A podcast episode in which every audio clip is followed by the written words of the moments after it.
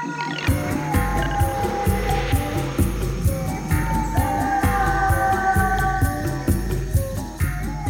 til Regnskogpodden Aktuelt. En podkastserie hvor vi kobler miljøsaken opp mot verdens beste klimaløsning, nemlig bevaring av jordens gjenværende tropiske regnskoger. Hit inviterer vi aktuelle gjester for å snakke om hvordan natur og regnskog påvirker alt liv på jorda. Jeg heter Silje Vemøy, er journalist, og i denne episoden skal vi snakke om unges klimaengasjement. Og med oss i studio så har vi invitert formidler og skuespiller Marlon Valdez Langeland og ungdomspolitiker fra MDG, Juni Romero y Cordero Berg Nilsen. Dere er to unge og engasjerte mennesker som passer rett inn i tematikken vår. Velkommen! Takk skal du ha. Tusen takk. Fint å være her. Så bra. Aller først må jeg bare begynne å si at det har nettopp vært kommunevalg, og der var det masse snakk om unges holdning til klimakrisa.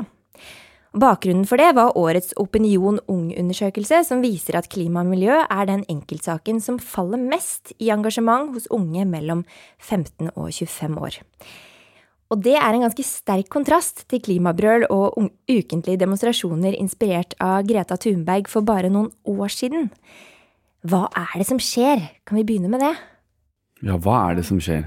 Hva er det som skjer? Hva er det som skjer? Hvorfor har vi liksom ikke lyst til å skrike og rope og holde, holde banner over hodet og være sinte på, sinte på noen som gjør jorda, gjør, gjør jorda vondt, da.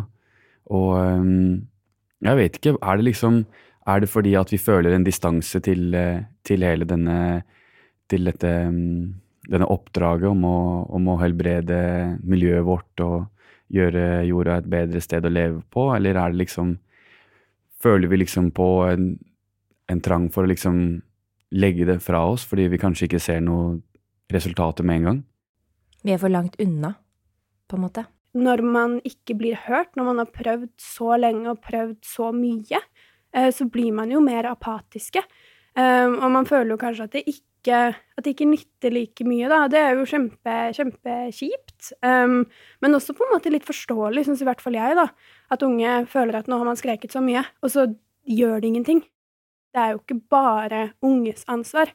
Uh, for man blir ofte veldig sånn klappet på skulderen. Jeg var i familiebursdag nå på søndag og var sånn 'Å, det er så bra at du er aktiv i politikken. Vi trenger unge, unge som deg, og det er så bra, for det er jo din generasjon som skal redde, redde verden.' Og det er litt sånn Nei, det er jo på en måte din generasjon som skulle ha gjort det. De som er liksom 60-70 år nå, som burde ha gjort det. Eh, og da blir det jo veldig dumt når vi ofte møter den sånn at ansvaret faller på oss. Og det kan jo bli en enda mer sånn vanskelig ting å deale med når man kanskje føler sånn Hæ, men vi skal liksom kutte utslippene innen 2030, ikke liksom når vi er dritgamle i sånn 2060.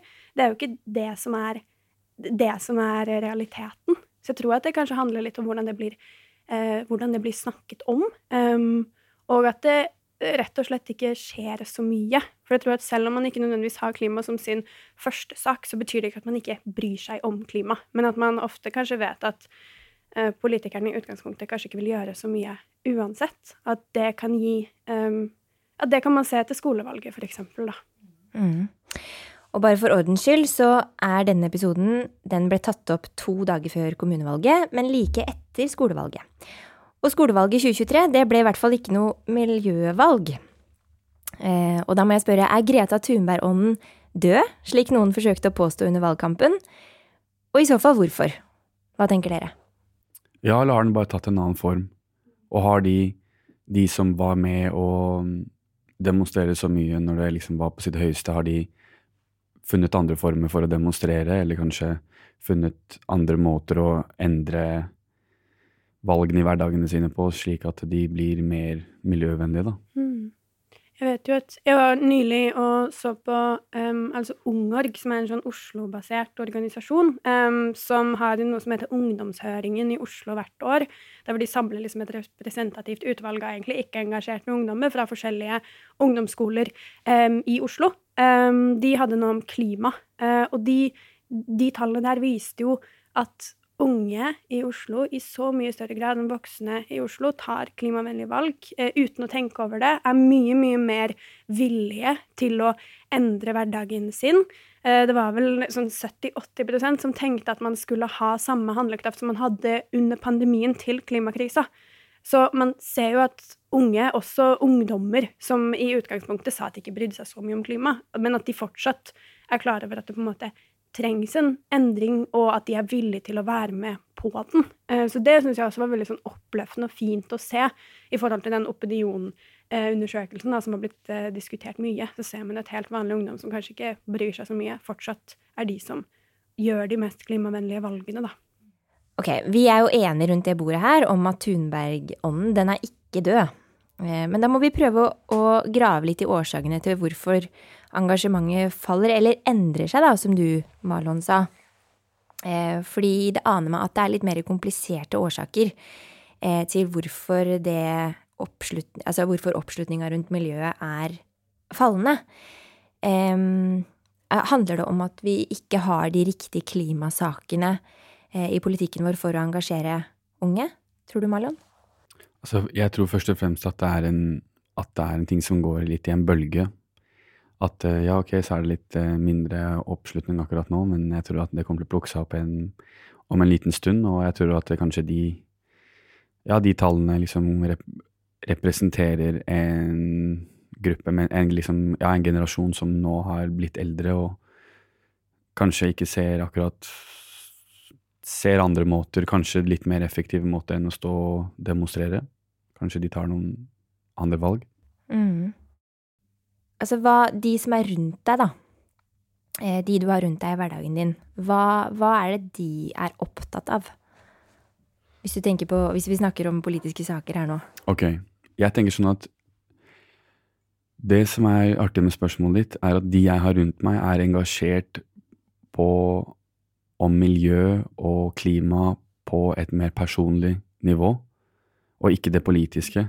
At, hva, hva, betyr det? Det, det, betyr at, det betyr at, at uh, måten man behandler miljøet på, og nå snakker jeg ikke bare sånn helt sånn generelt, men ditt nærmiljø, ditt familiemiljø, kretsen din, er jo speiler seg i hvordan du behandler naturen, ikke sant? Og dette her har jo veldig mye å Det her kan også sprette tilbake på din oppfatning av hverdagen og dine psykologiske vansker og sånt. Og da tenker jeg heller sånn, hva er det som Hvordan er det vi velger å liksom Hva skal vi si Designe en by? Hvor er det liksom Hvor er, hvor er de grønne rommene? Hvor er tilgangen på, på, på naturen i et liksom industrielt industrielt samfunn. Og jeg føler det er liksom der mitt engasjement kommer inn, og de jeg også om, omgås med, da. Mm, og naturen skal vi snakke mye mer om, så det er veldig bra at du kommer inn på det allerede nå. Jeg har med meg en bok. En klimabok du orker å lese, heter den. Og den kom ut i år, og den inneholder nyeste forskning på klimaet vårt. For det med de unges fallende engasjement, det har nok flere forklaringer, men det som pekes på blant flere studier, er at politikere gjør nettopp for lite. De unge føler at det ikke spiller noen rolle hva de gjør, de føler seg maktesløse. Derfor faller engasjementet, og andre, mer håndfaste her og nå-saker blir viktigere, sånn som arbeidsliv og økonomi. Likevel er klima fortsatt en av de sakene ungdommene bryr seg mest om, og generasjon klima er definitivt ikke død. Hva er det med miljøsaken som motiverer dere aller mest? Jeg begynner med deg, Marlon. Det har noe å gjøre med at eh, jeg føler meg mest hjemme i naturen. Og det har jeg gjort hele livet. Og jeg kan huske tilbake til eh, barnehagen, barneskolen, der vi hadde vært ute på tur med hele trinnet. Og så har vi vært ute i skogen, og så kom vi tilbake til eh, byen og skulle ta bussen eller kom tilbake til skolen, og så kjente jeg at det, det er noe som ikke stemmer. Jeg føler meg utilpass. Det er altfor eh, Det er for mye asfalt, det er hardt. Det er, eh, det er, en, det er en, virkelighet som, som bare krasjer. Og så har jeg tenkt at det, er, at det er noe gærent med meg, eller sånn. Men uh, nå etter hvert så har jeg tenkt at det, det er fordi at det At det er det, er, det er det som bare føles hjemme. Og eh, heldigvis så bor jeg et sted der det er kort vei til eh, parker og kort vei til skogen og en fantastisk natur som jeg liksom har eh, tar meg godt bruk av. Og grunnen til at jeg liksom blir engasjert, for at jeg kjenner en, en, strøm av kreativitet, en, en, bedre tilværelse, en, ja, kanskje, kanskje, til og med si bedre helse, av å omgi meg selv med, med, med naturen hele tiden. Og, og så ser jeg rundt meg, og jeg ser på venner og familiemedlemmer og andre i, i samfunnet som jeg tenker sånn at jeg var, jeg var, der, eller jeg følte meg så kjip som du gjorde deg, og, og dette her brukte jeg liksom som middel for å føle meg bedre. Og liksom Jeg føler at det er, det er det som er svaret. Forbedrer du miljøet rundt deg, både kretsen din og den naturen rundt deg, så forbedrer du deg selv også. Mm. Fordi eh, vi snakker om klima, men samtidig så skjer det jo en stor naturkrise. Og det er jo ikke nok å bare stabilisere klimaet dersom økosystemene våre kollapser. Verden er ved et vendepunkt der vi både må redde de nei, naturarealene som er igjen, og samtidig så skal vi restaurere skadet og ødelagt natur der det er mulig. For eksempel så handler arbeidet Regnskogfondet gjør om å redde verdens gjenværende tropiske regnskog. Marlon, du har vært i regnskogen. Det stemmer. Hvor var du? Jeg var i Guainia. Det er en del av eh, Colombia der 96% er freda. Og det fins utrolig mange urfolkssamfunn eh, og beboelse rundt i langs eh, en elv som renner der. Og jeg fikk lov til å være med Regnskogfondet eh, en uke inn hit og oppleve ting som svært sjeldne, svært få mennesker har fått kunne oppleve. Og eh, det var, eh, det var helt eh, Det var veldig Hva skal jeg si, liksom? Overraskende Veldig sånn stivt arbeid, men som er veldig sånn Er svært nødvendig. Liksom internasjonale menneskerettigheter, politikk og ting som jeg egentlig blir litt sånn Ja, ja, ja, ja, liksom. Og eh, Men så ble jeg med, og vi kjørte liksom Kom, landa landingsstripen der, kjørte langt, langt, flere timer opp den elva. Gikk av båten. Det pøsregna, selvfølgelig.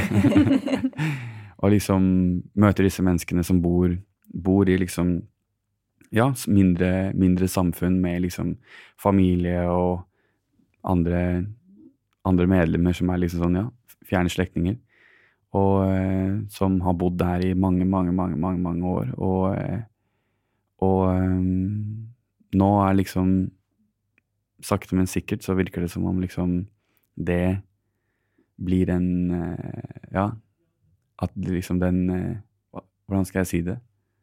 Den liksom det industrialiserte samfunnet møtes, liksom, møter med det, det naturlige samfunnet, og så prøver man å liksom møtes litt på midten og se hvordan, se hvordan det går. Så svært interessant. Kommunikasjon, eh, dialoger, internasjonale samarbeid. Det er liksom eh, forskjellige kulturer. Det er ting som, eh, ting som jeg, eh, jeg blir veldig, veldig interessert i veldig fort. Mm. Jeg ser det ja. når du prater om det. Ja, eh, Hva er det viktigste du tok med deg hjem, som inspirerer deg til å kjempe for klima- og natursaken? Det jeg følte jeg tok med meg, var en forsterking av eh, liksom sommerfugleffekten. At én liten ting blir til noe stort, og noe stort blir til noe lite. Ikke sant? Vi snakker om eh, for eksempel eh, Norge er, for, er eh, største innkjøperen av kaffe fra Colombia. Ikke sant? Hvem produserer kaffen? Hvordan er forholdene de, til de som står på markene og, og høster det? Hva slags midler bruker vi når man skal behandle eller ikke skal behandle kaffebønnene? Og for eksempel det jeg så da, når vi kjørte opp og ned denne elva og besøkte de forskjellige samfunnene, var jo det at eh, de, Det er jo folk som driver med ulovlig drift, da. Som driver og et, hva, hva, var det det var? Det måtte ha vært en sånn slags form for eh, mineraler eller en slags eh, Langt nedi elva der. Og så brukte de en slags de, tror Jeg tror de brukte kvikksølv, eller det kom kvikksølv for å kunne utvinne dette her. Og de er bare, ja, de liksom bygger sånn utrolig rar sånn sammensetning av planker og liksom store plastbaljer som de bare teiper og spiker og setter sammen. Ser egentlig litt fett ut, men så midt i da så har du liksom et langt rør som går ned, og der liksom høster de, høster de og Resultatet blir det kommer kvikksølv ut. Fisken og alle dyrene ikke sant, spiser dette her. Folka vasker seg, eh, og kanskje til og med ja, drikker det. De spiser i hvert fall fisken, og det går inn i kroppen deres. Og hva er det som skjer? De går rundt med sånne store utslett sår på kroppen som ikke helbreder seg, fordi at de må jo spise dette Det er jo her maten deres kommer fra, ikke sant? Se for deg, du skal gå på butikken, og uansett hva du spiser, så, så, så blir du sjuk av det. Og du får store, åpne sår på kroppen, og det ser helt forferdelig ut. Og ikke noe med det, men så, fin, så viste de meg et bilde at de fant et sånn derre De fant faktisk eh, Ja, plast er jo én ting, men de fant liksom eh, biter av liksom eh, Hva kunne vært metall inni fisken. Tenk, hva, hva, hva er greia med det, liksom? Men på toppen av dette her så har du folk som er så eh, Som står så hardt for å kunne utvikle samfunnene sine, som står så for for å modernisere Ja, modernisere og modernisere. Kanskje integrere eh, den liksom eh, den Noen som form for vestlige måter å gjøre noe på, da, samtidig mens man holder på sitt eget, for å kunne åpne opp.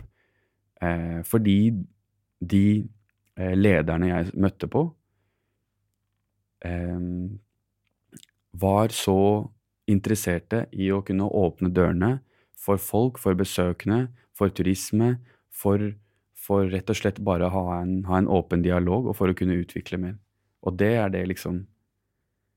Så jeg forlot, eh, forlot Guainia med, og Puerto Inirida, som det stedet jeg var på, med, med positivitet. Mm. Men at det, virkeligheten er hard. Mm. Eh, Juni, Mm. hva er det som gjør at du føler deg så hjemme i klimasaken? Hmm. Um, jeg tror jo at det um, Eller for meg så kan jeg jo Jeg kan gå tilbake til uh, første gangen jeg på en måte begynte å Eller merket at det liksom var noe feil, at jeg ville engasjere meg politisk. Eller ikke nødvendigvis politisk, men bare ville gjøre en endring. Da var jeg åtte år gammel um, og var i Ecuador, der hvor faren min er fra, i hovedstaden eh, Quito. Um, og uh, da var det en liten gutt um, i, på min alder, vi var liksom på hovedmarkedet i sentrum. uh, så var det en liten gutt på rundt min alder, åtte år, um, som liksom kom bort til meg og sånn bønnfalte meg. For om jeg kunne kjøpe en uh, tyggispakke for én dollar. Og dette var jo egentlig mens han burde vært på skolen.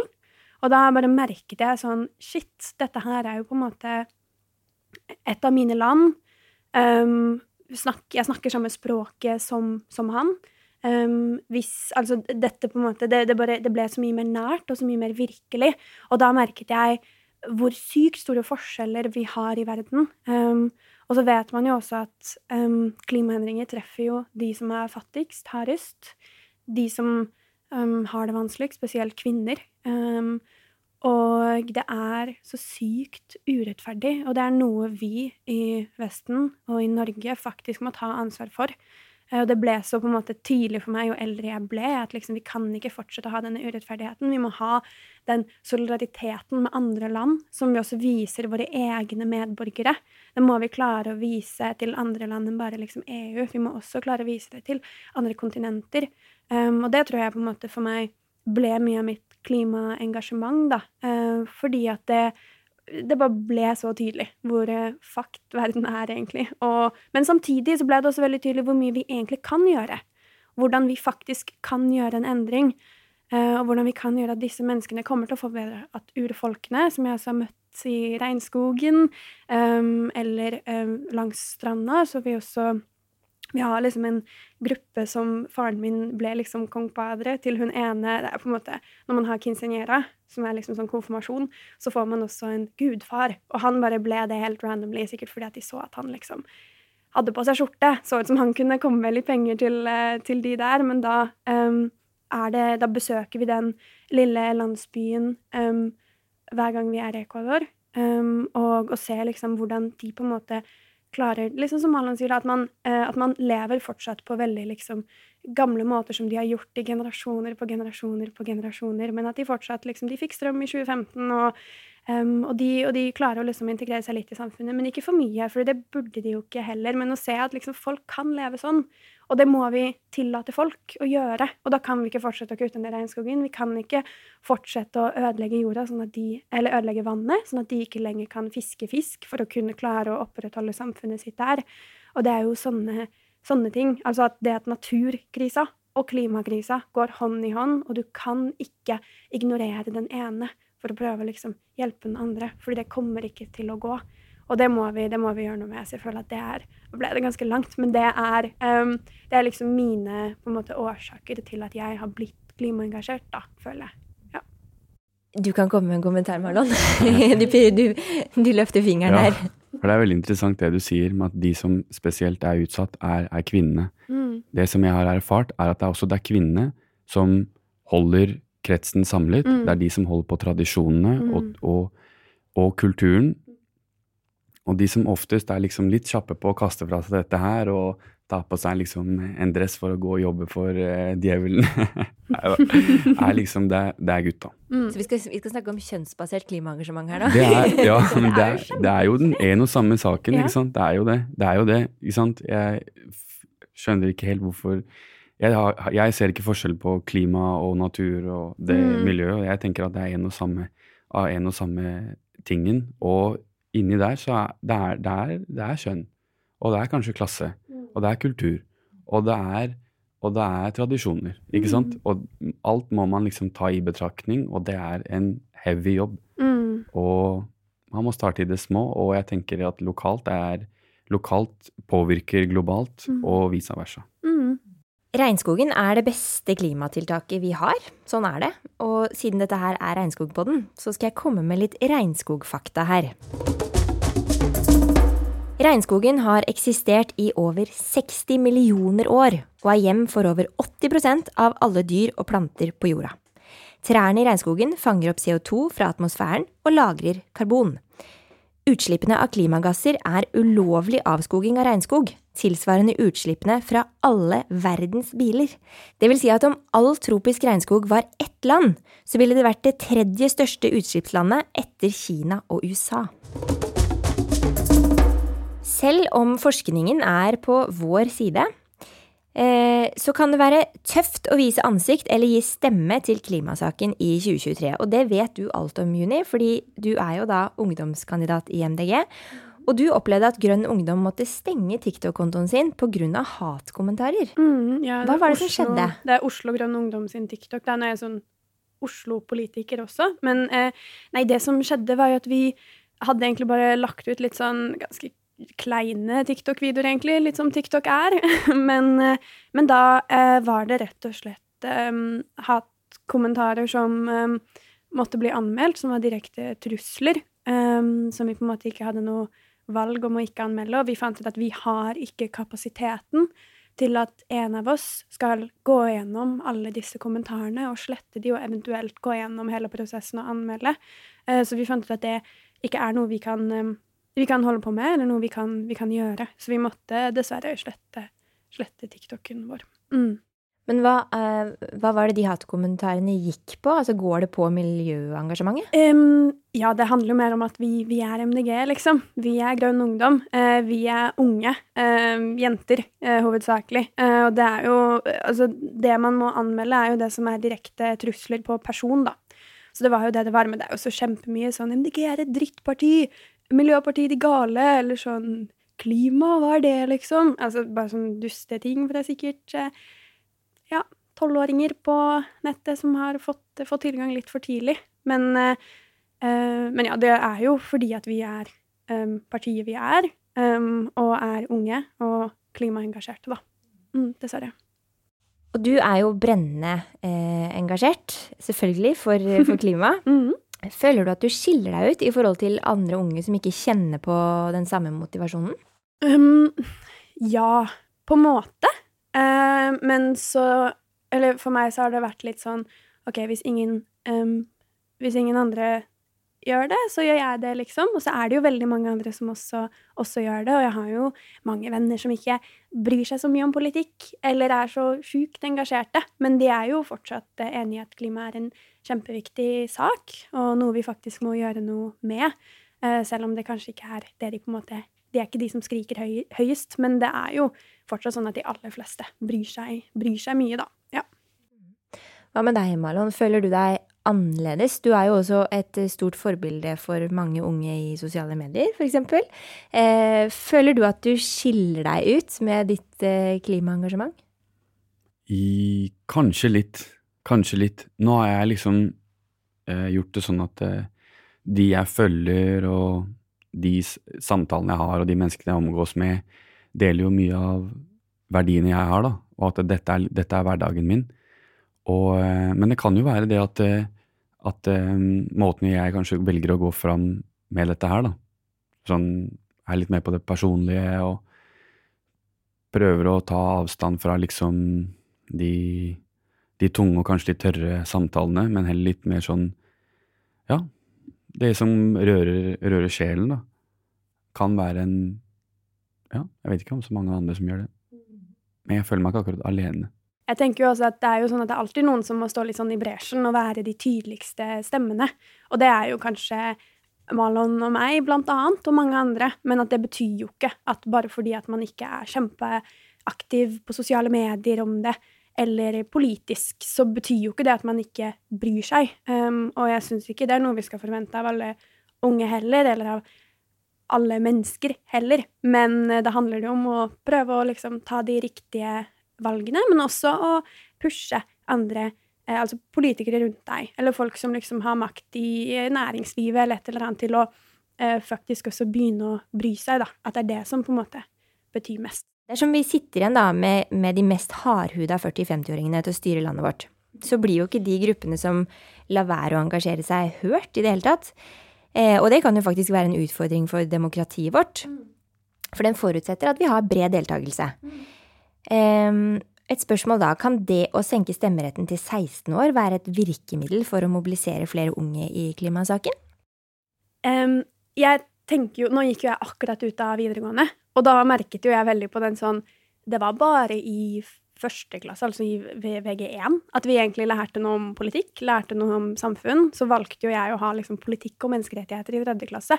Men det at man da ikke ruster de som skal stemme, de som um, skal liksom vokse opp um, og komme ut i, i, den voksne verden, på en måte. Det at man ikke lærer de like mye om politikk, er jo um, Og om samfunnsengasjement, om demokrati, det er jo veldig dumt. Og jeg tror at om vi um, også senker stemmealderen til 16, som for så vidt jeg er for, og også MDG er for, vil gjøre sånn at folk blir mer opptatt av politikk, og kanskje skjønner mer, og at det blir litt mindre um, komplisert. Og så tenker jeg også at vi som samfunnsengasjerte og vi som politikere også uh, har et ansvar i å ikke gjøre alt så jævlig komplisert hele tida. At liksom break it down, slutte å snakke jævlig komplisert. Um, bli litt mer på en måte folkelig. Nei, det er et litt sånn rart term, men sånn, vi må snakke litt mer sånn ordentlig som folk klarer å forstå. Det tror jeg at spesielt mange av de som uh, har vært i politikken kjempelenge, de 40, 50, 60 år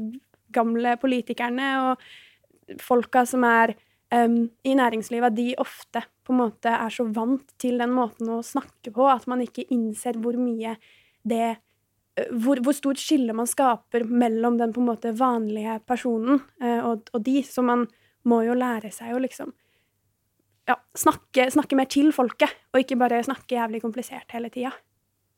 Og så er spørsmålet om vi trenger rett og slett å bare endre lovverket vårt for å få folk til å ta mer miljøsmarte valg.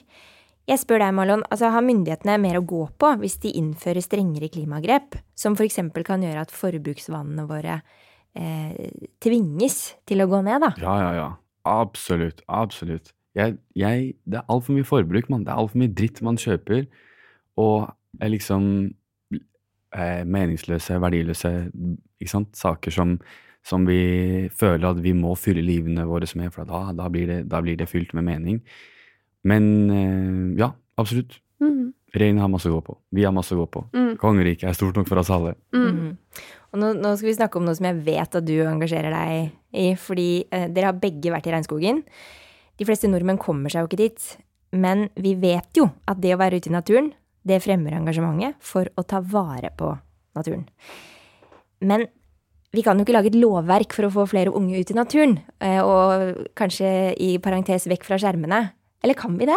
Jeg tror man kan det. Hva hvis, hva hvis vi eksempel hadde sagt sånn I løpet av et eh, semester så må, må klassene ha eh, fire-fem turer ut. Må ha en klasse Må liksom ha en undervisningstime ute.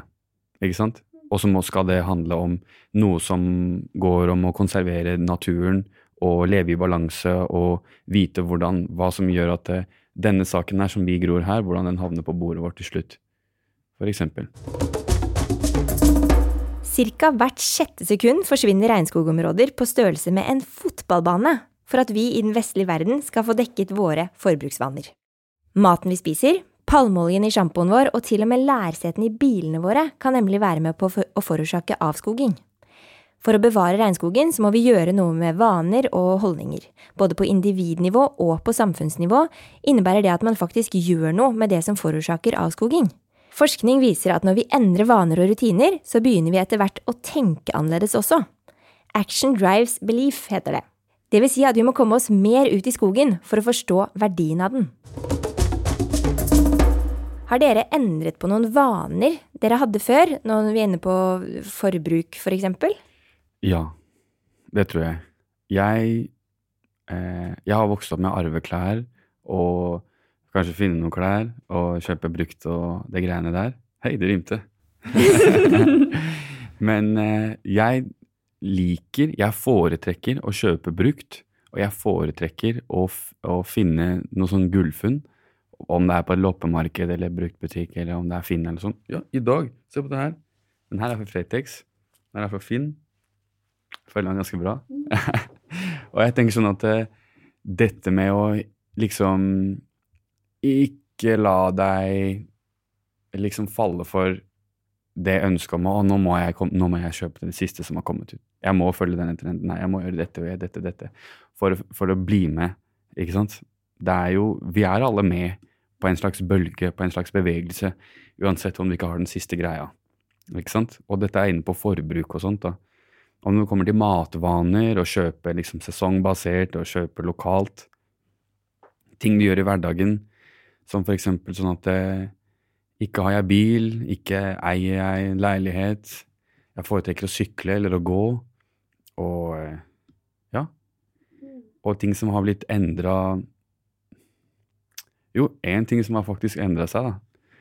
Jeg tror at når det kommer til sånn eh, velvære og kosmetikk og sånn, så, så holder jeg meg til eh, naturbaserte ting og, og sånt. Fordi at eh, alt det møkka som vi vasker oss med, om det er sjampo eller eh, om balsam eller curl conditioner, som jeg noen ganger må ty til, så, så går det ned i røra, og det går ut i havet, og det går ut i havet og inn i fisken, og ja, inn i oss da hvis du spiser fisk, men så går det ut i vannet, og vannet går opp i himmelen, og det regner ned, ikke sant?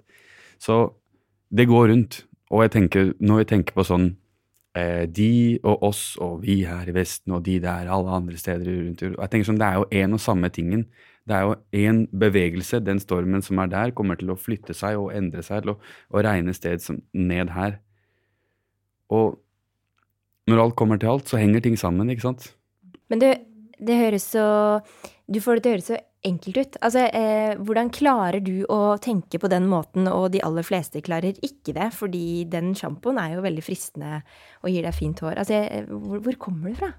Det er et godt spørsmål. Jeg tror jeg har vokst opp med en, en sånn tanke, og kanskje liksom og hyllet en, og feiret en sånn tanke opp gjennom, opp gjennom oppveksten min og nå i, i uh, ung voksen alder. Og, og jeg tenker det at det er jo det med at ja, egentlig bare tenke på det neste steget. Hva skjer når jeg kjøper denne greia her? Eller når jeg, hva skjer når jeg anskaffer meg den her? Less is more, og det blir mer komplisert med mer ting. Sånn er det bare. Hva med deg, Juni? Har du endra noen vaner? Um, ja, det, det har jeg jo. Jeg uh, spiser ikke kjøtt, for eksempel. Um, men eh, så tenker jeg jo um, Ja, jeg, jeg kjøper jo heller ikke brukt eh, Altså ikke nye klær. Jeg kjøper aldri brukt. Nei, jeg kjøper heller ikke nye klær. Jeg prøver å unngå det så mye som mulig. Men jeg tenker at vi må jo også gjøre det lettere for folk å kunne gjøre det samme, og at det ikke bare skal være en at det ikke skal være et aktivt valg, men at det bare skal være sånn det er. At vi burde gjøre det ulovlig med de giftstoffene som man får ut i havet. Yes. Man må, nå har vi 25% moms på brukt klær. Det er jo helt idiotisk. Da koster klær 25% mer enn det det burde gjort. Man må gjøre det billigere, man må gjøre det lettere, og man må Mm. gjøre det bedre. Det burde ikke være dyrt å skulle kjøpe de mest naturvennlige produktene. Jeg som liksom fattig student har jo ikke råd til det alltid. Da blir det kanskje den sjampoen med, um, med liksom mikroplast i seg, fordi at det er det jeg har penger til. Det er det. Hvorfor skal det være dyrt å være miljøvennlig? Sant, det burde ikke være det. Det er helt idiotisk at det er det. Og det er jo det vi må gjøre noe med, sånn at man ikke tenker over at man skal ta klimavennlige valg, men at man bare gjør det. Uten at det skal være en sånn big deal, uten at det skal være liksom et aktiv, en aktiv ting man gjør selv. Men at det bare det skal bare være sånn, uavhengig om du kanskje ikke bryr deg så jævlig mye om klima, eller i det hele tatt tror på klimaendringer, så burde det bare liksom That's how it should be. Yeah, Talk that talk. Og ja, og en siste ting her nå. Jeg fortsetter på det her. Det å også hylle og feire håndverkerne Mm. og kunstnerne og det lokale, og den roen og friheten man føler på når man skaper noe selv, og, ikke sant? og fortsette på den nydelige eh, tradisjonen vi har her i Norge, og alle andre land, Mm. med å skape noe selv og produsere klærne selv, og, og ikke tenke at eh, vi må kjøpe noe fremmed for å, for å få det inn hit, og Mm. da, da, da, er det, da er det nytt og spennende. Ja, det er det, men vi må også holde på det, det, det, vi har skjært, og det vi kan skape. Og eh, det er jo det er det som varer lengst. Mm. Og det er mest miljøvennlig. Mm. Og det er mest Det, det bidrar også til at det, du påvirker de rundt deg, ikke sant? Og så tror jeg altså kultur og kulturliv og teatre og kinoer og alt, alle sånne ting som ikke er liksom eh, klimafiendtlig, må også bli um, mer hyllet. Altså kulturlivet, det å istedenfor å på en måte skulle gå på Zalando og kjøpe den tingen, så kan du heller liksom gå ut på et eller annet teater eller et museum og, og hylle dine um, ja, altså nærmiljøet ditt, da. At det også må bli uh, lettere. Så jeg tror også at det bare kulturlivet også er en stor del av å minske forbruket vårt, og det er noe vi absolutt må um, gi mer penger til og, um, og støtte mer, da, men også må gjøre billigere for um, den vanlige personen. Kultur og natur, det er det som gjelder. Og så, så er det vel sånn at det, det fins jo ikke bare én vane man skal endre, på samme måte som at det ikke fins bare én løsning på klima- og naturkrisen. Det fins sikkert mange hundre, eh, tusenvis av måter å gjøre en forskjell på. Men uansett så er dere to veldig viktige stemmer i den samtalen her. Tusen takk for at dere kom, Marlon Valdez Langeland og Juni Romero Icordero Berg-Nilsen. Takk. Mm. Takk for at vi fikk komme.